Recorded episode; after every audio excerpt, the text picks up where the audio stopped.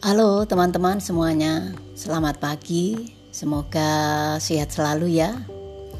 Ketemu lagi dengan saya Mem Iswati untuk kuliah pagi hari ini. Mata kuliah Personal and Professional Development. Materinya yaitu pengembangan potensi diri. Teman-teman, apa itu potensi diri? Yaitu suatu usaha atau proses yang terus-menerus dilakukan ke arah menuju personal mastery. Yang mana ini akan mendorong pertumbuhan pribadi dan kemauan belajar yang pada akhirnya akan membentuk pribadi yang sukses dan juga pribadi yang mantap. Mantap di sini teman-teman dalam artian pribadi yang dewasa dan matang secara mental. Sedangkan sukses ini merupakan uh, pribadi yang mampu tampil sebagai pemenang dengan mengalahkan semua unsur negatif yang ada di dalam diri masing-masing. Lantas, bagaimana kita bisa mengenali potensi diri kita? Potensi diri pada dasarnya, setiap manusia memiliki kekuatan dan potensi masing-masing. Tetapi sampai saat ini masih banyak yang belum menyadari adanya potensi di dalam dirinya sendiri. Padahal yang mana potensi daripada setiap orang ini akan sangat menunjang kesuksesan hidupnya jika diasah dengan baik.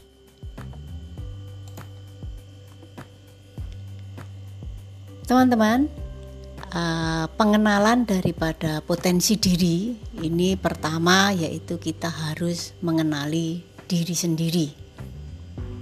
Kita buat daftar pertanyaan dan kita jawab dengan jujur misalnya apa yang membuat Anda bahagia?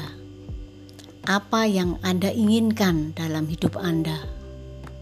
Kemudian apa kelebihan dan kekuatan Anda? Juga apa kelemahan dan kekurangan Anda. Itu untuk pengenalan potensi diri yang pertama. Kemudian yang kedua, tentukan tujuan dalam hidup. Teman-teman, tentukan tujuan hidup Anda untuk jangka pendek maupun jangka panjang sesuai dengan kemampuan dan kompetensi yang anda miliki. Kemudian, yang ketiga, dalam pengenalan potensi diri ini, kenali motivasi hidup. Setiap manusia mempunyai motivasi tersendiri untuk mencapai tujuan hidupnya. Apa yang bisa mencambuk Anda untuk membangun kekuatan dan dukungan moral sehingga menghasilkan karya terbaik di dalam kehidupan Anda. Kemudian yang keempat, hilangkan negative thinking. Jangan sekali-kali menyalahkan orang lain dalam menghadapi hambatan. Teman-teman bisa mengevaluasi langkah saudara apa. Kemudian tentukan untuk bisa melangkah lebih baik lagi.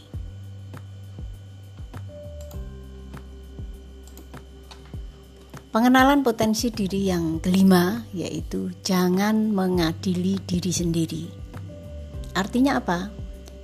Jika kita menghadapi hambatan dan kegagalan untuk mencapai tujuan yang sudah kita tetapkan, jangan menyesal dan mengadili diri sendiri secara berlarut-larut.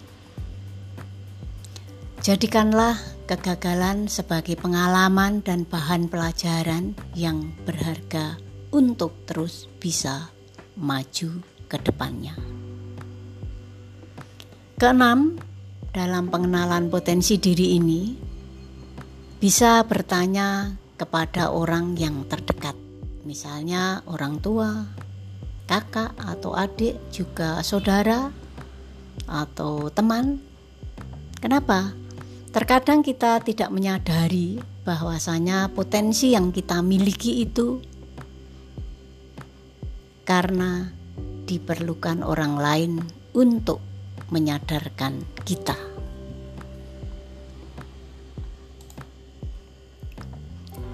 Kemudian pengenalan daripada potensi diri yang ketujuh yaitu silahkan teman-teman untuk banyak membaca, melihat, juga merasakan. Karena apa? Dengan begitu akan banyak informasi dan pengetahuan yang bertambah. Bacaan dan tontonan yang kita sukai bisa jadi adalah sebuah potensi yang ada di dalam diri kita. Jadi kita bisa untuk mengembangkan untuk terus melangkah maju, bagaimana kita bisa untuk membuat karya terbaik di dalam hidup kita.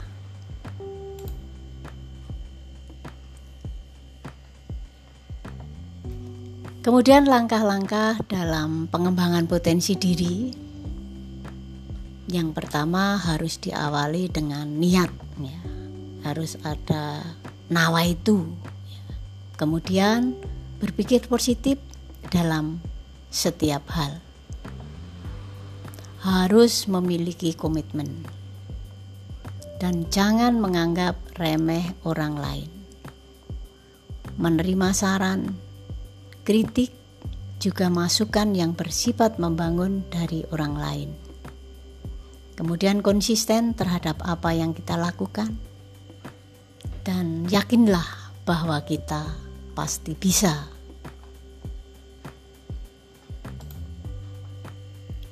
Oke kawan, kita break dulu, nanti kita lanjut ke sesi berikutnya.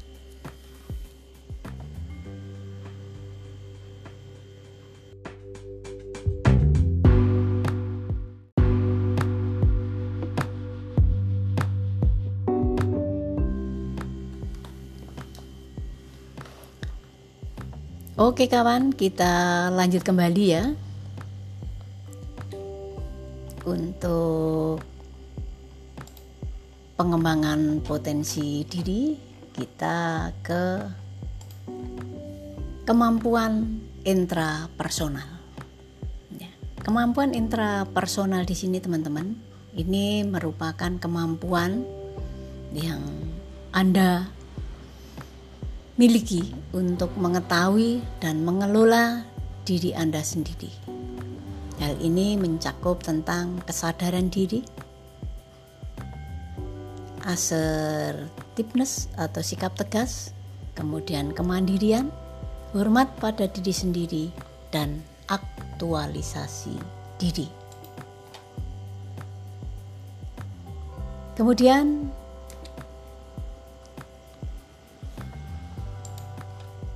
kita bahas satu persatu mengenai kesadaran diri. Ya, kesadaran diri ini kemampuan untuk mengenali bagaimana perasaan kita, perasaan Anda, perasaan saudara, dan mengapa perasaan demikian serta pengaruh perilaku terhadap orang lain. Kemudian yang sikap tegas atau assertiveness ini adalah kemampuan untuk mengekspresikan pemikiran dan juga perasaan Anda dengan jelas, tidak ragu, tidak pasif, dan tidak segan untuk menyampaikan pendapat secara jelas.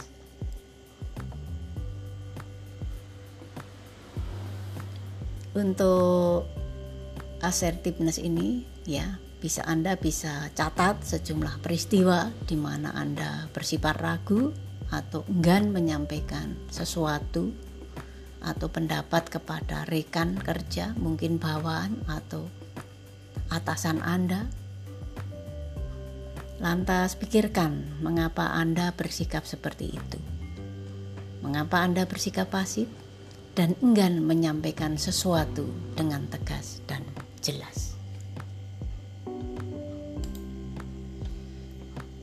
Kemudian untuk kemandirian ini merupakan atau sikap yang tidak tergantung ya, yang mana kemampuan untuk mengarahkan dan mengendalikan diri sendiri serta bebas dari ketergantungan emosional. Orang yang mandiri ini akan memiliki kepercayaan diri dalam merencanakan dan membuat keputusan-keputusan penting di dalam hidupnya. Kemudian untuk menghargai diri sendiri, ini merupakan kemampuan untuk menghargai aspek positif yang ada di dalam diri Anda. Pada sisi lain, dapat menerima dengan lapang dada aspek negatif yang mungkin ada di dalam diri Anda.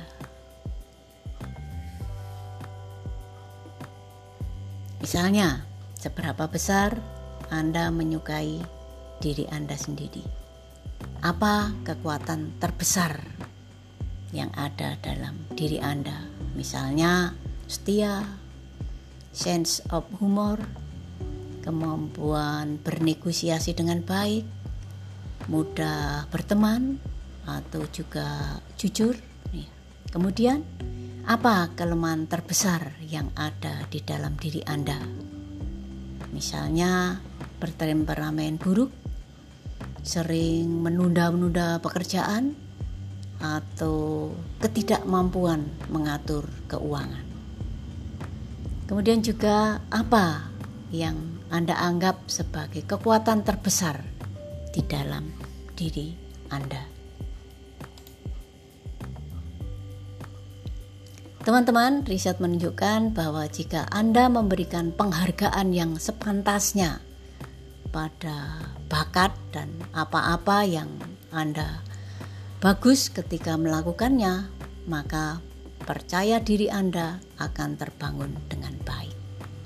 Tetapi sebaliknya, apabila Anda menganggap apa-apa yang Anda buruk ketika melakukannya, sebagai hal yang penting dan berarti, maka meskipun teman-teman Anda tidak mempermasalahkannya, Anda tetap tidak akan punya tingkat percaya diri yang berarti. Kemudian aktualisasi diri ini kemampuan untuk merealisasikan kapasitas daripada potensi Anda. Komponen kecerdasan emosional ini diwujudkan dalam pencarian ke arah kehidupan yang penuh makna, kaya, dan full life.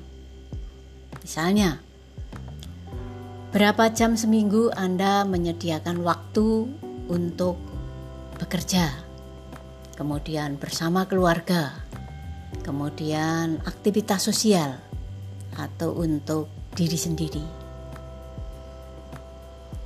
Kemudian dalam area apa Anda paling ingin meningkatkan kualitas waktu Anda? Apa hobi dan minat Anda? Kemudian aktivitas apa yang ingin Anda kejar dengan lebih aktif?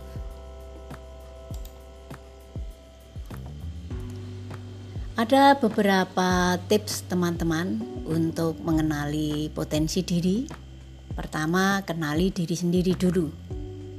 Coba teman-teman buat daftar pertanyaan seperti apa yang membuat Anda bahagia, apa yang Anda inginkan dalam hidup ini, apa kelebihan dan kekuatan Anda, dan apa saja kelemahan Anda. Kemudian jawab pertanyaan ini secara jujur dan objektif. Kalau perlu, Mintalah bantuan keluarga atau sahabat untuk menilai kelemahan dan kekuatan Anda. Kemudian, tentukan tujuan hidup.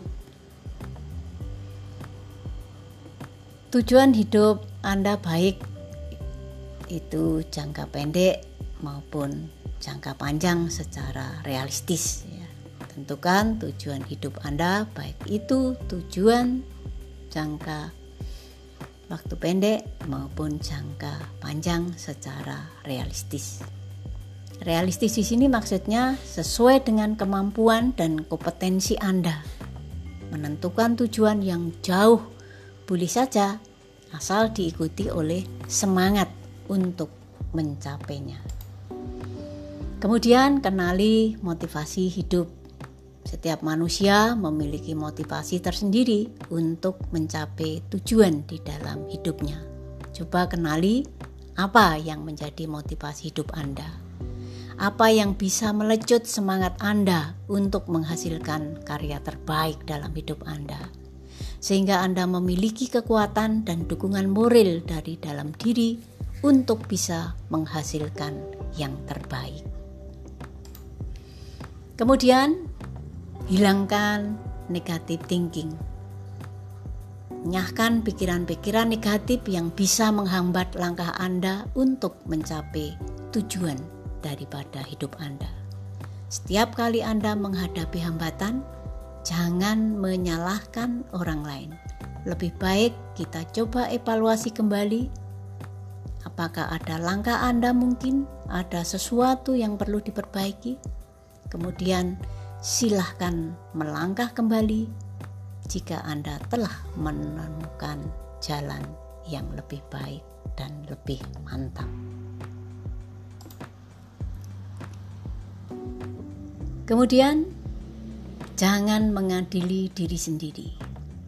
Jika terjadi sesuatu yang tidak diinginkan dalam mencapai tujuan atau cita-cita yang sudah Anda tentukan, jangan menyesali dan mengadili diri sendiri berlarut-larut. Kenapa? Karena hal ini hanya akan membuang waktu dan energi. Silahkan bangkit dan tataplah masa depan. Jadikan kegagalan sebagai pengalaman dan bahan pelajaran untuk maju. Oke kawan, uh, itu tadi materi pengembangan potensi diri. Nanti untuk PPT-nya bisa saya share di grup. Terima kasih buat kebersamaannya. Tetap semangat dan jaga kesehatan selalu.